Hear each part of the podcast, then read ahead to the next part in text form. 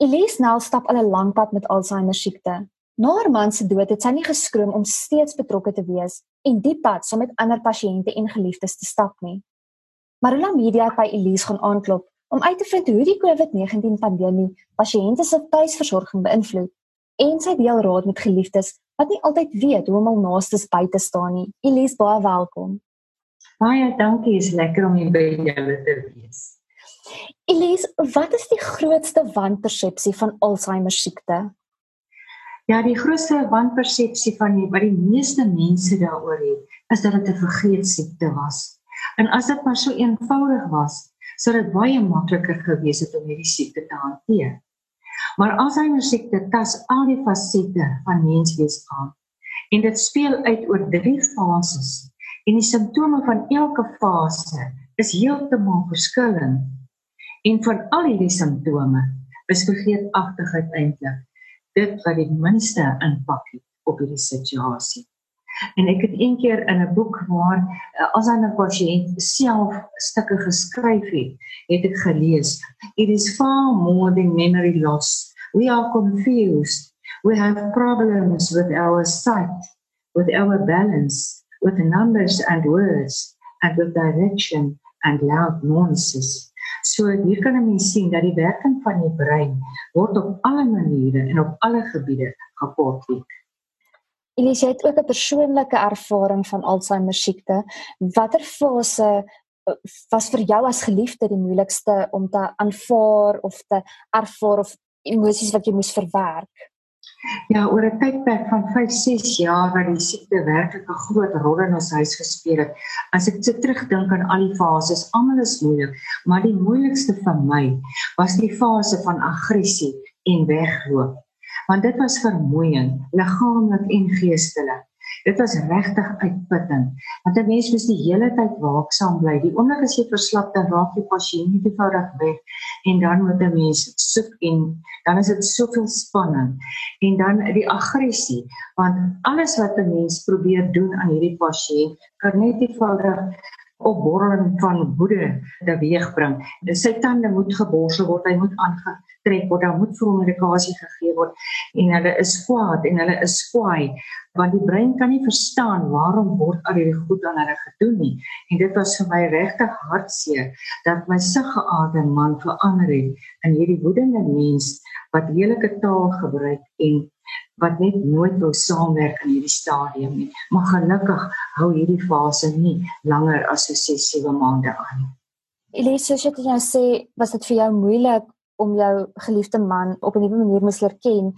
Hoe het jy dan na jou eie emosionele en geestelike welstand omgesien terwyl jy 'n voltydse versorger vir jou man was? Wel, ek het nou baie trane besef. Ek kon nie toelaat dat Alzheimer siekte my lewe oorneem en my huis oorneem nie. En ek het alles probeer om in beheer te bly. Nou dit was 'n wrede siekte en onwelkome gas wat alles wat goed is weggeneem het, wou wegneem uit ons huis. Maar ek het dit daar stop gesit en ek het probeer om heeltemal objektief te wees. 'n Mens moet nie deel word van hierdie siekte nie. 'n Mens moet absoluut beheer as 'n deel van die normale lewe. So ek het probeer om normaliteit so ver as moontlik te behou en ek het hierdie siekte eenvoudig bestuur een dag op 'n slag. En wat die geestelike sy aanbetref, ek het net elke dag gebid vir krag vir daardie een dag. En ek het net besef ek moet die vreemde vrees aan jaande môres wat wag, moet ek in God se hande laat en hy sal daarvoor sorg.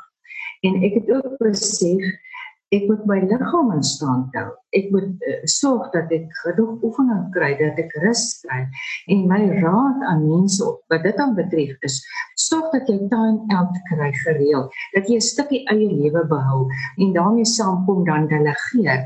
Kry iemand in om vir 'n rukkie uh, na jou geliefde te kyk. Moenie altyd alles self wil doen nie en met 'n time out tydjie. Probeer om na iemand te gaan soos jou mentor met wie jy kan praat en by wie jy kan huil. Want om te huil is ook belangrik want dit is die enigste uitlaatklep wat 'n mens het. En dan het ek ook kan ek ook hierdie raad aan mense gee wat ek werklik gevolg het. Moenie in die oggend opstaan en die nog 'n verskriklike dag begin deur in jou kamer japon en jou eh, pantoffels te begin nie gaan eers en gaan versorg jouself 'n vinnige warm stort. Sorg dat jou hare reg mooi gedoen is. Sorg dat jy netjies aangetrek het is asof jy na jou werk toe gaan. En as jy op daai manier jou dag begin, dan het jy net meer krag en jy net 'n beter beheer en sorg dat jy goed vir jouself doen. Ek het byvoorbeeld pilates gedoen met 'n video. So kyk na jouself en dan het jy genoeg krag om hierdie groot werk die hele tyd aan te hou. En dan gee jou vrese en jou kommer oor vir God. En dan ten laaste, behou jou humor. Elise, jy is soms moeilik om humor in 'n situasie raak te sien waar mens dinge daagliks moet hanteer, maar dit help mens seker om perspektief te bou om die ligter kant van die situasie ook raak te sien. Het jy dalk so 'n storie of 'n staaltjie wat jy kan deel, iets wat jy onthou van 'n humoristiese insident wat plaasgevind het? Ja, hier waar in met hierdie siekte is meer lag met 'n traan as wat dit skaterlag is. Maar ja, ek het so drie goedjies uitgesonder. Die dag toe my man probeer het om van die bed af op te staan en te loop terwyl hy albei sy bene in een broekspyp gedruk het. Dit was regtig 'n snaakse prentjie en toe ek begin lag, toe kon hy nie anders nie as om ook maar saam te lag. Nou terwyl hierdie grendeltyd aan die gang was, ek was baie betrokke vir albei een gesin en ek was saam met hulle na 'n winkelsentrum toe en hierdie man het soos wat hulle die gewoonte het, die Alzheimer pasiënte, het hy sy masker uh, afgehaal ongemerk en dit laat val.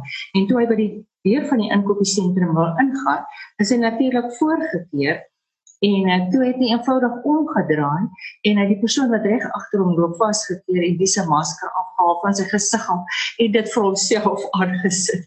Nou op daai stadium was dit nie vir sy vrou lagwekkend nie, want sy was in die grootste verleentheid, maar agterna het ons regtig lekker gelag hieroor. Ja, en dan nog 'n ding, dit lyk nogal snaaks as iemand met 'n vurk baie noukeurig en met groot aandag sy hare probeer kam voor die spieël en aan die vurk sit stukkies rys soos wat ons net laag geëet het en uh, toe het my man omgedraai met 'n mooi glimlag en hierdie stukkies rys in sy kuif en hy het vir my gevra, "Lyk my hare nou mooi netjies?" So dit is maar net so drie staaltjies wat ek kan uitleg. Elise, ja, die humor is ook nodig om 'n mens te laat aangaan en en ook vir jouself te lag en vir die situasie soos jy sê, dis dalk nie op daai oomblik snaaks maar dan wanneer 'n mens terugdink, dan lag 'n mens nogal vir die humor in in die situasie, maar ook soos jy sê lag met 'n traan. Elise, nou jou man se dood het jy nog steeds besluit om betrokke te bly by ondersteunings en tuisversorgingsgroepe. Is jy nie soms bang dat jy die pyn oor en oor sal herleef wanneer jy met ander Alzheimer pasiënte werk nie.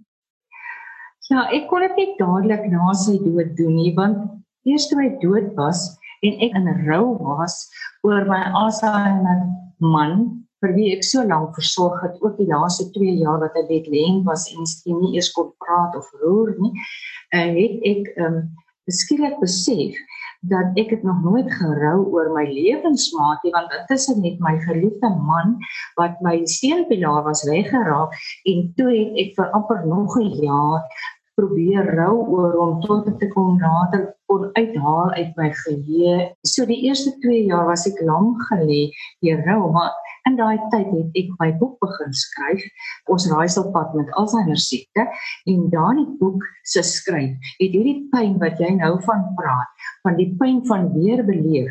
Dit is ek het dit toe weer beleef terwyl ek dit geskryf het. En die aand na die bekendstelling van my boek, het ek net besef die kring is nou voltooi. Ek ek het nou afsluiting en toe mense toe na my toe gestroom het vir hulp en vir raad, het ek besluit dis nou tyd dat ek die mentor is dat ek die oor is wat luister vir ander mense en dat ek hulle klankbord kan wees en dat ek hulle vir hulle kan raad gee met my ondervinding wat ek so swaar gekom het. So ek is nou op 'n baie goeie plek met dit aanbetref.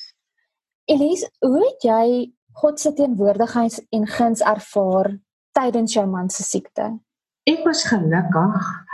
Jy weet daar's baie mense wat dan voel God het hulle verwerk En en dit is nie verkeerd dat hulle so voel nie, want dit is werklik mense is in 'n verlatenheid dan.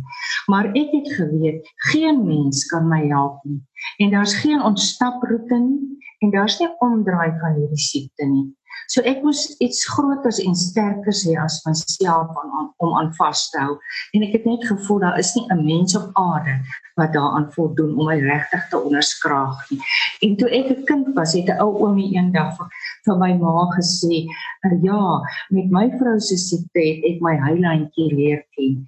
Ek kan vandag sê ek het my heiland leer ken in daardie dae en daardie nagte langs my man se bed.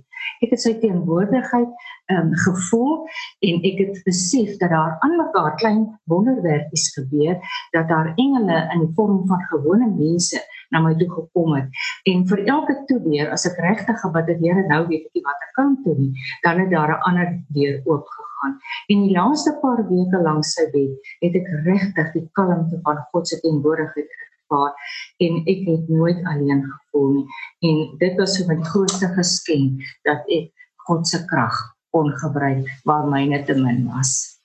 Ja, Elise, mens wonder hoe hoe hanteer mense dit wat nie die krag van God ervaar nie, wat hom nie ken. Wonder mense hoe hanteer hulle dit? En dit bring my by die volgende vraag: Hoe hanteer mens die pad en hoe stap 'n mens die pad in 'n wêreldpandemie? Vertel my meer oor die invloed wat die inperkingsmaatreëls op die Alzheimer pasiënte se emosionele welstand gehad het. Ek bedoel jy is nou nog betrokke by pasiënte. Vertel my meer daarvan. Ja, die inperking. Ja, dit het 'n invloed op Alzheimer mense. Ek dink uh, nie wat in in, in versorgingsoorde is is uh, is geborge aan hulle geslote klein ruimte. So hulle kom nie eintlik agter nie. Al wat hulle mis is dan nou jy weet hulle die besoeke van hulle mense. Maar die mense, die Alzheimer mense wat tuis versorg word, die, vir hierdie mense was dit werklik skrikwekkend geweest. Want skielik oornag het alles verander. Hulle moes 'n masker dra wat hulle nie wou op hulle gesig hê nie want hulle het nie rede kon insien nie. Hulle het gister nog gaan stap soos hulle elke middag stap. Nou mag hulle nie gaan stap nie. Uh, hulle mag nie meer na hulle vriende toe oorstap en gaan kuier nie. Hulle kan nie in 'n winkelsentrum weer toegelaat word nie want hulle hulle hulle sien geen sin daarop om op 'n streepie te staan en jy mag nie vorentoe beweeg nie. En dan gebeur daar vreeslike goed in die winkelsentrum maar die ander mense wil nie hê hulle moet naby hulle kom nie. En, en dan weet hulle net hulle moet vir iets bang wees, maar hulle weet nie vir wat nie. En hierdie een vriend van my het vir my gevra, sê net vir my, waarom moet ons hierdie goed doen? Wys net vir my waar is hy? Waar is hierdie ding wat vir ons so bang maak? Waar is hy dat ek nie mag uitgaan uit die huis uit nie? En um, hoe wys 'n mens vir iemand die COVID? Hoe wys jy vir hom 'n virus? En so die gevolg was hierdie mense was toegesluit in hulle huise. Hulle kon nie hulle oefensessies meer doen wat spesiaal vir hulle gereël word nie. En en hierdie man veral en nog 'n ander vrou wat ek gereeld besoek. Hulle het absoluut 'n uh, vrees toestand verval en hulle het uh, in depressie verval sodanig dat daar 'n medikasie voorgeskryf moes word. En ja, en dit was regtig hartseer om te sien hoe so 'n persoon se hele lewe gestol het sonder dat hy of sy die rede daartoe kon verstaan. Elise, ek wonder ook sommer nou hoe het julle dit dan hanteer? Hoe het julle hierdie uitdagings, die ongekende uitdagings hanteer en hoe het julle met hierdie pasiënte gewerk om hulle te laat verstaan? Ek bedoel as as 'n oom of 'n pasiënt in 'n winkel stap en hulle moet 'n masker dra maar hulle verstaan dit nie. Hoe hanteer 'n mens dit in daai oomblik? 'n mens moet maar met so 'n pasiënt, ek het gesien die maklikste is as as so 'n pasiënt regtig uh, buite perke uh, kwaad of hartseer word om hom dan net in 'n motor te laai en en te ry want dit is al wat ons mag gedoen het gedurende inperking want uh, hulle kon nie uit hulle huis uit gaan nie. En en dit het dit kalmeer hulle definitief. En dan om aandag af te trek en goeders binne sy huis te doen. En dan mens wil nie hierdie mense onnodig met medikasie uh, kalmeer nie. Maar uh, as as dinge hand uittrek om daai pasiënt se kalmerende uh, medikasie so bietjie meer te te vermeerder sodat daar net 'n bietjie kalmte is. Want dit is werklik al wat 'n mens op daai stadium vir hierdie mense kan doen. Want uh, ja en om self kalm te bly. Jy weet 'n mens moet nie dan moedeloos raak nie. Die versorger die geliefde is die enigste anker wat daai persoon dan het. En 'n mens moet die hele tyd laat vir hulle laat voel, um, ons het beheer. Dinge is nie buite beheer nie. Dit gaan goed. Ons is veilig in ons huis. Ons doen lekker dinge saam en om dan lekker eet happies voor te sit, aandag af te trek, weer boeke met helder prente te kyk, ou albums te kyk en baie telefoonoproepe te maak na die kinders toe. Uh, dit hou hierdie mense dan op 'n vlak van ons is nog veilig. Jy het vertel van pasiënte wat nie verstaan hoekom hulle masker moet dra nie en hulle weet nie, hulle verstaan nie hoe hulle bang moet wees vir 'n virus wat hulle nie kan sien nie. So dit bring my by die laaste vraag en ek hoop ons kan hierdie hoop skep vir iemand. Iemand met so geheue siekte se wêreld word baie klein. Hulle kan nie onthou nie, hulle kan nie herinneringe deel nie, saam praat nie. En dit kan dit nogal regtig moeilik maak om tyd saam met so 'n persoon deur te bring of 'n pasiënt deur te bring of om gesprekke aan die gang te hou. Watter raad het jy in die verband? Waaroor gesels mens met pasiënte? Wat doen 'n mens om tyd saam deur te bring? En miskien kan jy dalk 'n paar wenke vir ons lesers gee. Veral gedurende die inperking, as geliefdes dan gebel het, jy weet want hulle kon nie die pasiënt kon sien nie. As mens 'n uh, 'n foongesprek met hierdie mense het, dan moet 'n mens dit op luidspreker stel. Want dan hoef die persoon nie nog 'n foon te hanteer en die geluid te stuur die kamer en en met kort sinne te praat, net een gedagte op 'n slag en 'n rukkie te wag na elke vraag want hy moet eers dit prosesseer in sy brein en uh, genoeg tyd gee vir die pasiënt om te antwoord. Baie stadig praat maar nie soos wat mense met 'n Peter praat nie altyd met respek praat. Nou waaroor gesels 'n mens met so 'n persoon as jy fisies by hom is? Daar's een wonderlike ding om oor te gesels en dit is oor die verlede want is dit daai persoon se kinderdae en sy jong mens dae is soos kleurvolle prente in hulle brein. Hulle vergeet dit nooit nie. En om dan daaroor te gesels, dan sien jy onmiddellik in hulle oë, hulle weet. Party kan dan nog lekker saamgesels en die wat al verbaal baie sukkel, kan kopknik en dan kan 'n glimlaggie kom. En 'n ander ding waaroor 'n mens dan lekker kan gesels met hulle is oor familie, maar dan jy 'n oop album op jou skoot het en vir hom wys. Ons onthou jy nog vir Tannie Hetty en Jan, dan druk jy op op Tannie Hetty se foto en dan vertel jy van staafies wat jy weet hy by betrokke was as 'n jong mens en dan sien jy hoe helder hierdie gesiggie op. En so kan 'n mens vir meer as 'n half met hierdie pasiënt heerlik kommunikeer in sy wêreld oor goed waarvan hy weet, maar nie te lank nie want dan word die brein moeg. En dan ook 'n ander ding is om saamtyd weer te bring, weer te reis soos ek net nou ook van gepraat het en hulle hou verskriklik daarvan om belangrik te voel. So wanneer jy nie weet meer wat om met hierdie mense te gesels nie, doen dit taakie waarmee hy kan help. So as jy aardappels skil, gooi die skille een vir een op die tafel met uit 'n bak op sy skoot en dan sê jy elke keer gooi die skil vir ons in die bakkie. Dan is hy deel van hierdie proses. Dan voel hy belangrik, hy voel rustig, hy voel hy's nog nodig. Maar die die dit wat ek ondervind het wat met my man wonderlik gewerk het toe hy self nie meer kon praat nie. As twee mense vir hom gaan kuier, twee ou vriende in wie hy vertroue het en hulle twee sit en gesels oor goed wat in die pasiënt se lewe gebeur het lank terug waarvan hy weet en daai gesprek dra heen en weer oor sy kop en hy hoef nie die spanning te hê om te antwoord nie, om deel te neem nie, maar hy is deel van die gesprek en hy geniet elke woord wat daar gesê word. Dit is die tipe gesprekke wat 'n mens het, maar as jy spesifiek uh, 'n uh, opdrag vir daai persoon sou gee, uh, moenie vir hom 'n keuse gee nie. Hy kan nie kies nie. As 'n mens voel hy kry koud, sê kom ons trek vir jou hierdie lekker rooi baadjie aan. Dis lekker warm. Moenie sê moet ek nou die rooi of die groen baadjie vir jou aantrek nie. So probeer net spanning weghou van die pasiënt, maar betrek hom by gesprekke. Dis vir hulle wonderlik. Elise, en wat van blootstelling aan nuwe omgewings of nuwe aktiwiteite? Sal dit ook spanning op 'n pasiënt plaas of sal dit kan dit moontlik die persoon se gemoed lig? Nee, weet jy dit plaas altyd spanning op die pasiënt. So daarom moet 'n mens nie eintlik van een huis na 'n ander huis verhuis as dit enigstens moontlik is nie. 'n Mens moet ook nie by mense gaan kuier nie, daar met een of twee vriende na hom toe kom. So mens gaan half van isolasie dan, want 'n groot groep mense maak hom bang. Enige vreemde plek kan vir hulle heeltemal of baie aggressief maak of angstig maak. So om spanning te weg te laat is om net te sorg vir 'n vaste rotine elke dag in 'n baie bekende omgewing. So so as iemand jou kom aflos, moenie jou pasiënt by iemand gaan aflaai nie. Daai persoon, jou aflospersoon, moet na hierdie huis toe kom. Jou pasiënt moet in dieselfde stoel sit waar hy elke dag sit. Hy moet in dieselfde bekertjie sy tee kry waarin hy dit elke dag kry. 'n Laaste opvolgvraag wat ek het is oor die blootstelling aan natuur. Sal dit so 'n persoon help om 'n ent te gaan stap al is dit 'n onbekende omgewing? Wat is die invloed daarvan op 'n pasiënt?